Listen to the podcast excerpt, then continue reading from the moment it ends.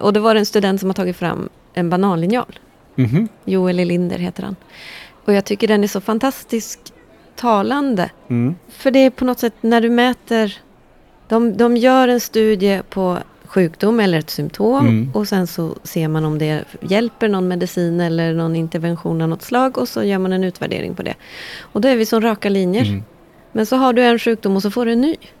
Just det. Det är ju, de allra flesta har ju så. Som söker vård idag. Och då stämmer ju inte riktigt evidensen. Och då blir det som att de försöker... Jag vet inte om det finns någon patient som inte har känt att de är tvungna att på något sätt förändra symptomen lite för att passa in i läkarens mall. Så jag tänker varenda patient egentligen i Sverige skulle ha en bananlinjal. Mm.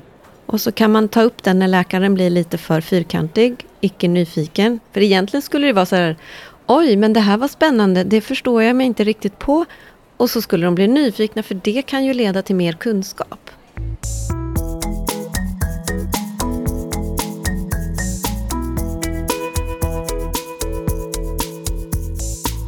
Hur vet vi vad som är bra? Hur vet vi att det blir bättre?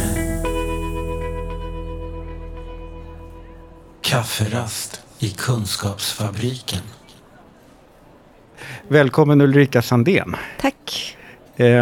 Och du kommer ju inte solklart från psykisk hälsoområdet utan det har jag hittat i, i när jag har varit ute på jakt efter kunskap om sjukvård och patienter och lite mer generellt. Ehm, vad är din bakgrund?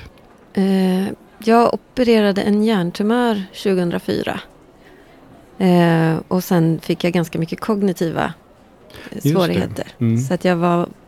Jag åkte hem från operation och så, men sen eh, eh, åkte jag in på rehab igen, eller vad man ska säga. Så att jag var sex veckor på våren och sen var det sommaruppehåll och sen fortsatte det sex veckor på hösten. Så det var Mm. ganska lång rehabilitering. Eh, Just det. Och var det då du skrev din första bok? Ja, det var strax efter operation och så fick vi besked att det var en mild elakartad tumör så att den kommer att komma tillbaka sa de. En mild elakartad låter lite motsägelsefullt. Ja, men är inte sjukvården alltid motsägelsefull?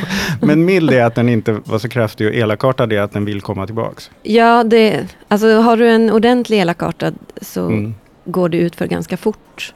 Oftast. Mm. Inte längre faktiskt. Så det, det är fler och fler som jag ser som klarar sig. Ja. Men eh, de här milda, kan man operera bort dem så i princip, teoretiskt sett så kan man bli botad. Mm. Men praktiskt så säger de att man räknar det som kroniskt för att eh, erfarenhetsmässigt har de alltid kommit tillbaka. Just det. Och Så då dröjer det 5-10 år trodde de och då flippar min sambo. Aha, Så att han åkte på en arbetsresa och kom inte hem. okej. Så då hade du en hjärntumörsrehab och ett, eh, ett förlorat förhållande. Ja, men där kom bokidén Aha. egentligen. För att då gick jag in på biblioteket och så fanns det ingen bok. Och så fick jag också svårt att läsa efter att jag hade blivit sjuk. Och då blev jag liksom dubbelt arg. Så jag tänkte om jag inte kan läsa då ska jag banne mig skriva en bok. Och om det inte Aha. finns någon bok skrivet om detta då ska jag göra det. Okej, ja, men det är ju beslutsamt. ja, så då gjorde jag det. Ja, vad trevligt. Eh, och då var vi framme vid 2006 eller 2005? Eller? Ja, boken kom 2006. Mm. Jag skrev den 2005. Så jag försökte få det till att vara lite grann i nutid. Ja, och skriva om hur, hur det är att liksom återhämta sig efter en sån kris egentligen. Och då hantera fick det. du lite nya perspektiv på det som var ditt yrke också. För du är socionom. Ja, Ja, just det. Hade du någon nytta av det? ja absolut.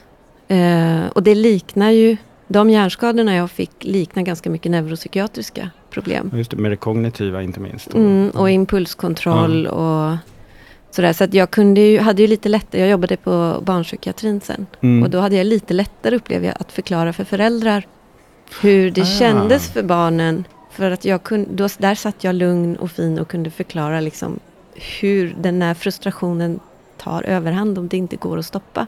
Ja, just det. För du visste faktiskt. Ja, Mm. Du kunde ha upplevt det själv samma morgon. Ja. ja, det var liksom folk som fick små utskällningar. En granne försökte hjälpa mig att klippa gräset någon gång. Mm. Och så vet jag inte varför jag exploderade och så gick jag ut och råskällde och så. Mm. Så det var många ursäkter ett tag. Ja. Det är en resa det att återhämta sig. Eller liksom att dels lära sig att leva med att man har gjort så. Mm. Men också att lära sig att leva med så att man inte gör så onödigt ofta. Ja. Det är väl det som är återhämtningens, en del av återhämtningens mystik. ja, och det sjukvården tror jag skulle kunna spela en större roll. Mm. För att jag fick fem, de fem första veckorna på rehab så skrek jag på dem. Mm. Och det gjorde att jag inte skrek så mycket på andra. Jag fick ur mig väldigt mycket ilska. Jag vet, jag frågade när de första sex veckorna var slut. Så frågade jag arbetsterapeuten lite, för de skrattade åt att jag hade varit så arg då när Mm. det la sig. Så, "Ja, men du var väl aldrig rädd för mig? Frågade jag. Och så sa hon, ja, det var vid ett tillfälle då du sprang efter mig med sleven. Men annars har det gått bra. Och jag, jag har dåligt minne så jag kommer inte ihåg det alls. Sen har du gått vidare för nu är du forskare eller doktorand. Vad är det du forskar på?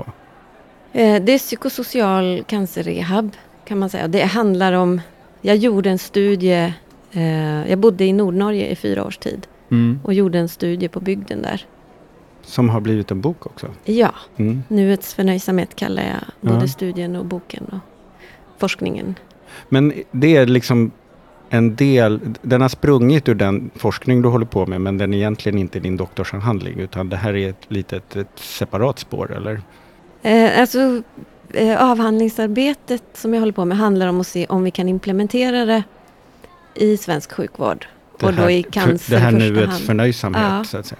Mm. Hur och kan, kan man och är det bra och Mm. på vilket sätt i sådana fall? Okej. Varför skulle det vara bra om du lyckades?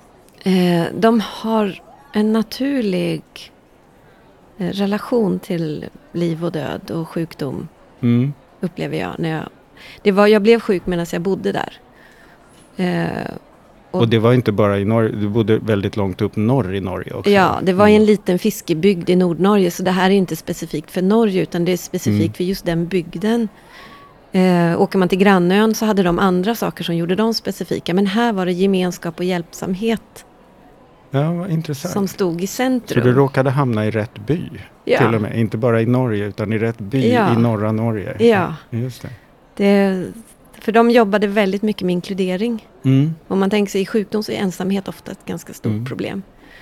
Och det har jag jättemånga som har frågat. För jag flyttade dit alldeles själv. Eh, Men var det inte svårt att komma in? Men det var det inte för du blir inropad. Så Jaha. jag vet första veckan så, jag tror det var en vecka och bilen pajade. Jag bodde en och en halv mil från jobbet. Och jag fick inte startat. De hjälpte mig med startkablar. Och så hoppades vi att batteriet liksom skulle återuppladda sig på vägen hem. Så stängde jag av motorn. Det var 11 på kvällen. Jag skulle börja jobba 8 på morgonen igen. Och försökte starta och ingenting hände. Shit, vad gör jag nu? Så, gick, så ställde jag mig och bara tittade ner i motorhuven. För att se, liksom, Mm. kan jag tänka igång den? Liksom? Tänk, tänk, tänk, tänk jättestarkt nu. Så här. Man kan också sparka på däcket och se om det hjälper. Ja, men medan jag står där så hör jag liksom hallå, hallå. Så tittar jag upp och då är det 50 meter bort. Så står de på verandan. Så där, Ska du komma på kaffe? Klockan Okej. 11 på kvällen. Och så knallar jag upp dit. Och de sitter och groggar. Och jag tar en kopp kaffe och så frågar jag han som bor där då. Skulle du kunna tänka dig att komma ner med din bil och hjälpa mig att starta imorgon bitti? För jag ska till jobbet. Ja, vilken tid då? Ja, åtta börjar jag. Nej, det giddar jag inte. Inte så tidigt. Men du kan ta min bil. Och sen visar han bilen, en jättefin Merca. Vi kommer in och kompisen står där och garvar och så säger han till mig att Vet du att du är den första som får köra den här bilen? Han köpte den igår. För en miljon. Och så sitter jag där med nyckeln och så tar jag telefonen för jag tänker jag måste lägga in hans nummer Mm. om något händer.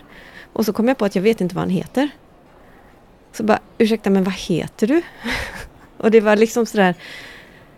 Men det, det- det är ett sätt att Ett inkludera. uttryck för det som då kanske fanns i den där byn. Ja, Ja, och det var ju, skapar ju en trygghet i Mm. bygden för att man... Det bästa sättet att inte längre vara rädd för en främling är ju att inkludera den. Ja, just det. Och säga att här är, här är mitt bröd. Ja. Ja, just det. Mm. Så det, och alla gjorde det utan att tänka. När jag sen intervjuade folk så... Ingen nämnde hjälpsamhet som någonting som liksom konstituerar en Ja, person därifrån. Utan... eh, det var som det var. Ja, och sen när jag Mm. liksom efter ett tag så började jag nämna, för det var verkligen ingen som sa det. Men det här med hjälpsamhet då? Ja, ja, men det är ju självklart. Mm. Annars överlever man kanske inte på Nej. de där breddgraderna hur som helst. Nej, det var ju, jag träffade Mm. en 98-årig man och när vi satt och pratade så var det som att kontexten, sammanhanget var ganska likt det jag kom från med hjärncancer och det Mm. han var uppvuxen i. För folk dog ju runt omkring honom jättemycket. Ja, ja, på havet. Ja, och, de mm, mm. roddbåtar ut på Norska havet vinterstid. Några kom hem, några inte. Mm. Och TBC på land. Det fanns inga bilvägar så det var ju ingen sjukvård att tala om. Och så när jag frågade honom, men var inte du rädd liksom att när han visar bilder på grannbarn där alla har dött och så? Nej, men det går inte. Oroa sig. Vad är det för mening med det? Man blir inte friskare av det. Nej, och det är ju sådana här ord och det är ju svårt Mm. att ta till sig. Men då blev jag nyfiken på att undersöka vad ligger bakom de här uttrycken. Mm. Och se, och det är ett annat förhållningssätt. Man går inte och väntar på saker, man förbereder sig istället. Och då är det jättesvårt att älta. Jag har provat Ja, det själv. Om du förbereder dig väldigt noga, det här när man går och väntar på svar som cancersjuka Ja. gör väldigt mycket. Så är man ju i framtiden i tanken när man tänkt och sjukvården säger nu ska du inte oroa dig utan Vad gör man då? ja, du, ska, du ska inte oroa dig utan nu hoppas vi på goda resultat. Mm. Men i när man ber folk att hoppas så tar Mm. man bort allt hopp i nuet egentligen. Du flyttar fram tanken till framtiden där du inte kan göra någonting åt det. Och så Mm. ska du hoppas på någonting som ska hända där. Som inte har någonting med vem du är här och nu Ja, idag. just det. det är som att man säger till folk att ta på sig säkerhetsbältet efter krocken. Just det. Istället för att göra det innan. Jag prövade en gång att förbereda väldigt ordentligt. Mm. Senast jag väntade på besked. Så, och jag har ju vetat, jag har varit sjuk så länge nu så jag vet att Ja, och du ungefär. får, hamnar ofta under hot av det kan bli jobbiga besked framöver. Ja, Ja. och då pröv, har jag prövat liksom att verkligen förbereda mig för ett dåligt besked. Mm. Och då upptäckte jag, men nu kan jag ju inte älta. För Nej, annars så okej. är det så här, man pratar med folk, oj oj oj, undrar vad som händer då, och då måste jag ju ta kontakt med den, och oj Mm. oj oj. Men helt plötsligt så försvann det och jag kunde inte, i tanken fanns det inte så mycket mer att tänka. Ja, just det. Det var en otroligt häftig upplevelse. Kafferast i Kunskapsfabriken. Vad var det mer du förstod om, om den här lilla byn i Norge då, som gjorde att de var så... Det, ja, förutom att man inkluderade folk på olika sätt. ehm, så man drog varandra tillbaka till nuet och så gjorde man grejer. Så att nuet kan ju vara en hemsk tillvaro att Ja. vara på. Men man kan alltid påverka nuet lite. Eh, så att om man... När jag blev sjuk, det var också så. Det var aldrig så att man ältar inte, men du har rätt att berätta. Men Mm. Berättar du någonting hemskt så är det sällan någon som frågar tillbaka eller säger oj, oj, oj. Det gör man med humor i sådana fall, svart Mm. humor. Så att, och, men du blir erbjuden deltagande i någonting. I princip alltid. Det är lite som det där konsten att sharing, som Mm. de säger i tolvstegsprogram och sånt där. Men där, kraften i att faktiskt få dela och att det får finnas. Att man Ja. liksom så här, eh, ja, man tillåter det att få finnas. Och Det ligger på bordet. det. Ja. Och man behöver inte älta det mer. Nu ligger det där. Nu går vi. Och ofta är det så att de svarar med en fest. ja, det är trevligt. Ja, Också. det är sådär. Bra Det var, när- det var för jag fick dålig prognos först när jag var där uppe. Mm. Eh, och då var de liksom, nej men oj, då måste vi hinna ha den här festen nu. ja. Och så bra. blir man ju sällan mött i Sverige. Och Nej. först så känns det ju helt bisarrt liksom. Men sen så går man dit och så är festen rolig. Mm. Och så satte de på hög musik, kommer jag ihåg, den gången. Eh, det finns en, sven, eller en norsk eh, musiker som skojar med svensk dansbandsmusik och Christer Sjögren. och så är det någon sån här, ja och så är det någon sån och, refräng, jag är inte psyk, jag är bara svensk. Mm. Och den satte de på på högsta volym och sen så stod de och pekade på mig liksom, jag är inte psyk, jag är bara svensk. och det var ju en otrolig bekräftelse. Mm. Utan, och vi behövde inte gråta tillsammans, vi skrattade tillsammans. Och, eh, utan att gömma undan någonting. Ja, det Mm. fick ju finnas, men Mm. på ett helt annat sätt. Du sa det här att det var inte ens säkert att det såg likadant ut eller att man gjorde likadant i byarna bredvid eller på öarna bredvid. Nej. Var, var, var det fler saker som var sådär som du kunde ringa in just för den här byn som de var skickliga på? Då- Det som var specifikt här var att det, de, det var ingen utflyttningskommun, fast det ligger ute på landet. Mm. Eh, så att det gjorde att man bodde kvar generationer, Ja. så det är väldigt dyrt att skaffa hus där. Medan det det. på grannön är jättebilligt. Aha. Så jag tror Men det, gör ju också att traditionen kan leva. Ja. Alltså den tradition som de inte ens behöver fundera på vad den är, för den bara är. ja. Ja. Så den fanns ju där, jag tror tack vare, så det jag såg, jag kunde spåra alla de här, eh, vad säger man, reglerna, kulturella reglerna, kulturella uppbyggnaden de hade till överlevnads, det som krävdes för att överleva före andra världskriget. Ja, just det. Och nu var det som att det skvalpade över förnöjsamhet från det. Nu Ja, behövdes det. inte det lika mycket, men Ja, ja, det blev en bonus. ja, det är liksom som att det svämmade över. Och så, Folk dör inte på havet och i TBC längre, men vi har fortfarande den här väldigt stärkande kulturen. de dör tillräckligt ofta för att det ska vara kvar, tror jag.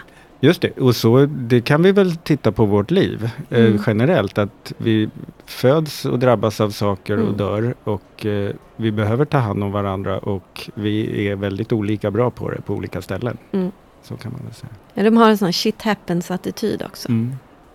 Men inte skön. shit happens för att glömma eller liksom strunta i saker. Nej, utan man är förberedd på att livet händer. Ja, just det. Och, och det kommer att hända och Ja. då tar vi hand om det då. Ja. Då ordnar vi en fest innan det är för sent och Ja. då får folk prata om vad som har hänt. Ja, och stormen kommer att komma. Ibland snöar det i juni. Mm. Och som jag klagade någon gång när det snöade i mitten på juni. Och Mm. då var det någon klämkäck som sa, vi vet var vi bor. Ja, just det.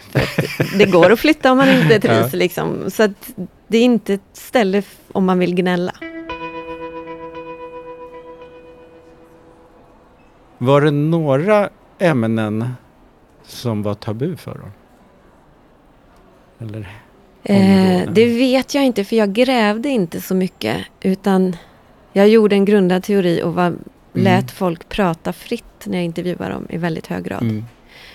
Ehm, sen så har jag ju, vet jag att det, det är ju inte en bygd där allting är fantastiskt. Utan de har ju sina människor. negativa sidor Ja. Mm. där också. Men jag var inte ute efter att egentligen spegla bygden som helhet. Utan mer se det här som jag mådde så bra av. Mm. Vad är det? Och är det någonting som vi kan ta med Just oss? det. Det är någonting här i som är... Ja, och just den här gemenskapen tror jag. Och, och det stämmer ju sen när jag... För det var också så att jag började... Jag gjorde min grundade teori och sen tog jag till litteratur för att se... Liksom, Om det fanns beskrivet på andra platser ja, och, och olika koncept Mm. i liksom begrepp i eh, teorin som inkludering till exempel. Mm. Och då ser om man studerar det på arbetsplatser och då är det samma mekanismer. Ah, så att det stämmer överens väl med, med den forskning som finns på en, när jag tittat på enskilda bitar Ja, det. ur detta så stämmer det väldigt väl. Men de har det i en helhet. Ja, just det. Och de har det i, inte ur en akademi utan ur ett, en livserfarenhet. Ja. Ja, just det.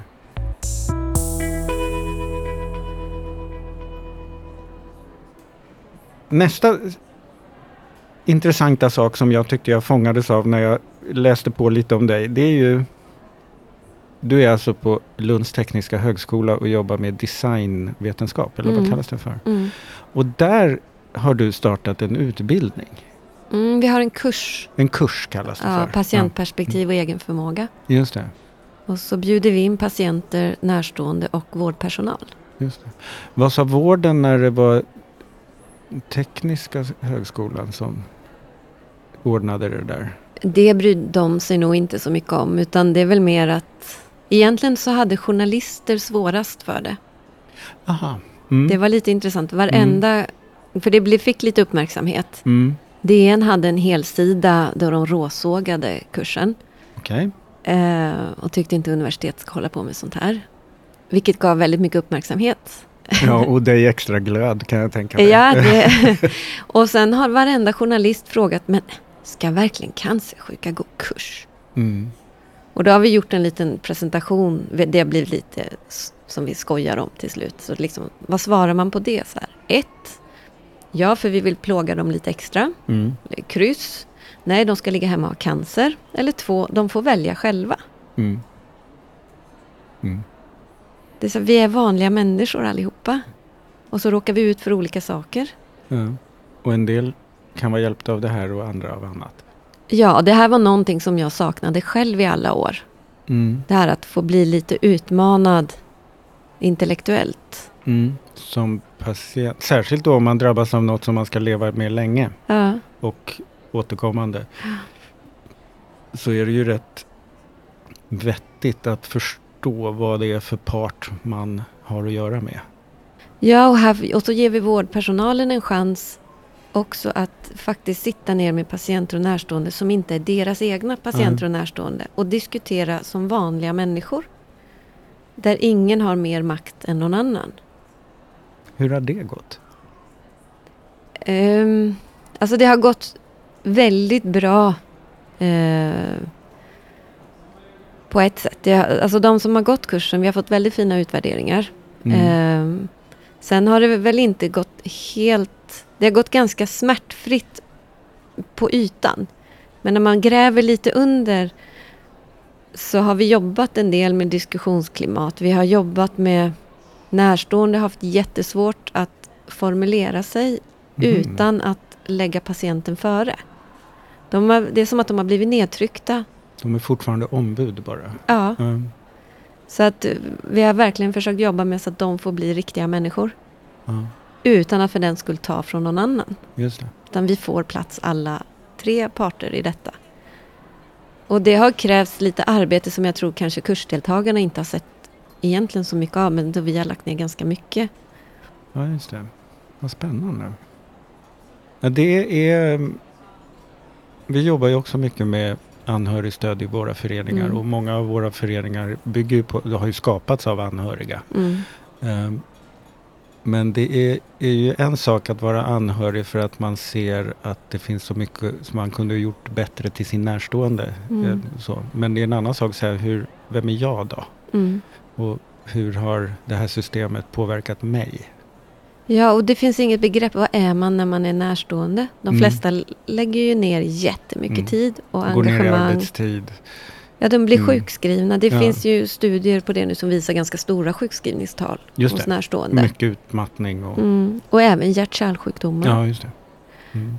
Eh, Så att det finns, vi skapar sjukdom. Mm. Och, och sen så märkte jag när jag intervjuade närstående också att det finns ingen riktig begreppsapparat. Vad är jag liksom? Mm. Jag är den där alltså, projektledaren, jag är den omtänksamme, jag är den som skriker, gnäller, tjatar. Mamman, pappan. Ja, just det. Har jag otur så är jag både den som gör mig osams med min make eller min son eller dotter Mm. eller mamma för att jag försöker hjälpa till. Och sen så blir jag skuldbelagd när jag kommer till vården Mm. för att jag är en jobbig jävel. Mm. Mm.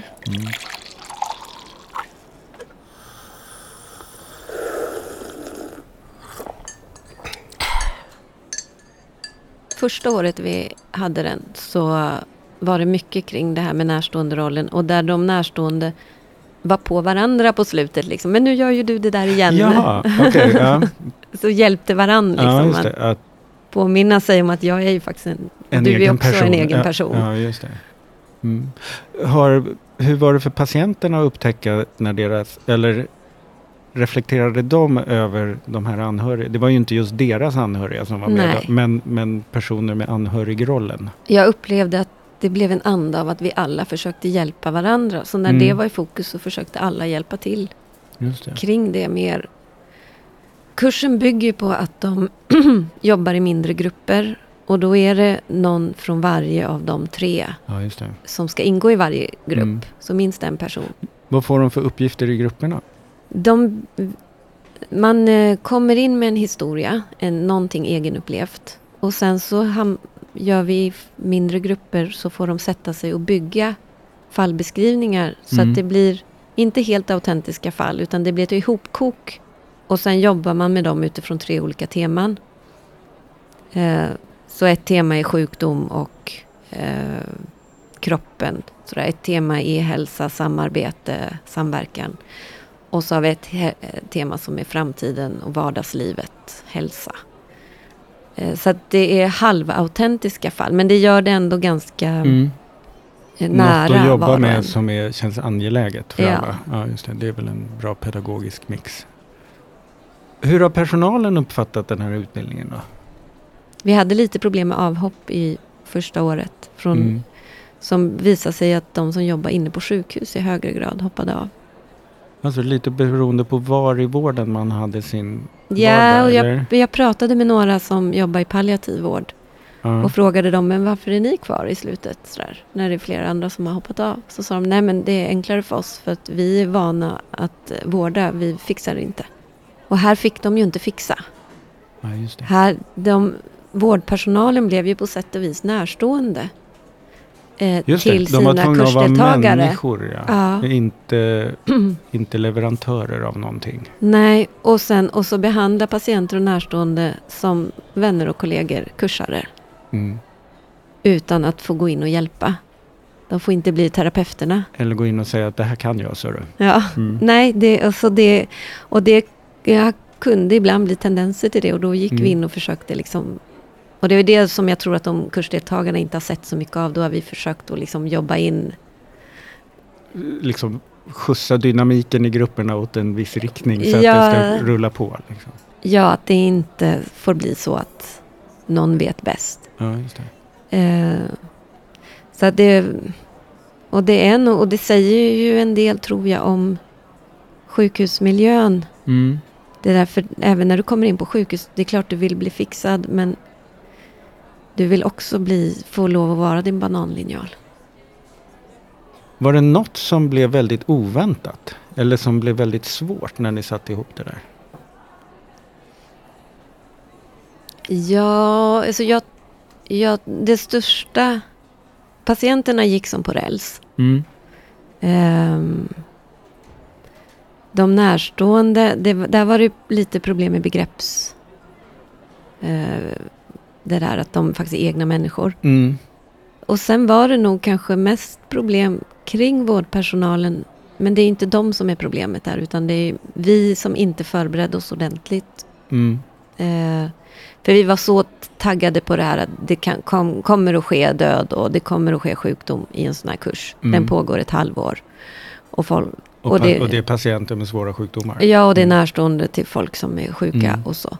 Så att vi hade liksom tankar på hur vi skulle hantera när sjukdom, när det kom. Men inte hur svårt det skulle vara för personalen att sitta bredvid och se på sjukdom. Just det, och vara studiekamrater, inte vårdpersonal. Ja. Mm. Och, och jag tror, och det vet jag inte riktigt, det får vi se närmare, men jag misstänker också att en hel del eh, tar på sig en professionell hatt när de går till jobbet och den Mm. professionella hatten är inte alltid så trevlig. Nej. Och sen ska du på, gå hem från jobbet och så behandlar du då din patientgrupp, fast som nu är kursare, Mm. som vanliga människor. Mm. Jag misstänker att det kan ha blivit tydligt för flera Mm. att vänta nu, jag kan ju inte säga att jag behandlar folk med respekt på jobbet om jag är tvungen att ändra mitt sätt att vara Mm. När jag träffar folk på kursen. Just det. Att det blev en slags ofrivillig insikt om att den där hatten finns. Ja, och, Och och, att jag- vad den, in, Ja, och vad den står bet- för. Ja, just det. Och vad det gör, den gör med mig. Mm. Ja. För man pra, när man pratar, jag har ju jobbat i vården också, man pratar om professionalismen och den Mm. där hatten. Så är det ju fortfarande, och det är så viktigt med patientcentrering, det är så Mm. viktigt att vara liksom respektfull och sådär. Men i alla fall när jag har mött så är det inte så många som är det hela vägen ut. Nej. Utan så som jag blir behandlad i sjukvården hade jag aldrig någonsin accepterat att en god vän behandlade mig. Nej. Eller en kursare. Nej, just det. Som jag sitter och accepterar när jag går till vården. Har de diskuterat det där på kursen någonting? Har det liksom Nej. blivit synligt eller är det något som ni känner att det finns där? Det är eller? nog något som vi har Mm. diskuterat när vi sitter och försöker analysera och som vi har liksom... För i sådana fall så skulle man ju Mm. nästan kunna ana att professionalism, om vi tar det Mm. uttrycket, det är egentligen ett sätt att överleva i en kultur som inte erbjuder oss att vara människor i vårt arbete. Ja, Mm. väldigt bra formulerat. Precis. Ja, För- Och det är det som är bananlinjalen gäller även personalen. Jag vill ju det. möta en bananlinjal. Just det. Och så får vi se hur vi hjälper varandra. Ja, Ja, just det. Jag hjälper dig att lyckas med din kompetens på medicinområdet och du hjälper mig att lyckas med mitt liv ja, egentligen. ja. Ja, det där är ju verkligen snårigt. Men intressant. ja. Stort tack för att du ville vara med Ulrika. Tack. Köp boken. Ja, just det. Vi lägger ut länkar på vår hemsida självklart till dina, alla dina böcker och din, ditt eh, forskningsarbete och så. Mm. Superbra. Kanon. Tack. Den här podden görs av NSPH, Nationell samverkan för psykisk hälsa. Läs mer på vår hemsida www.nsph.se eller följ oss på Facebook. Kafferast i Kunskapsfabriken.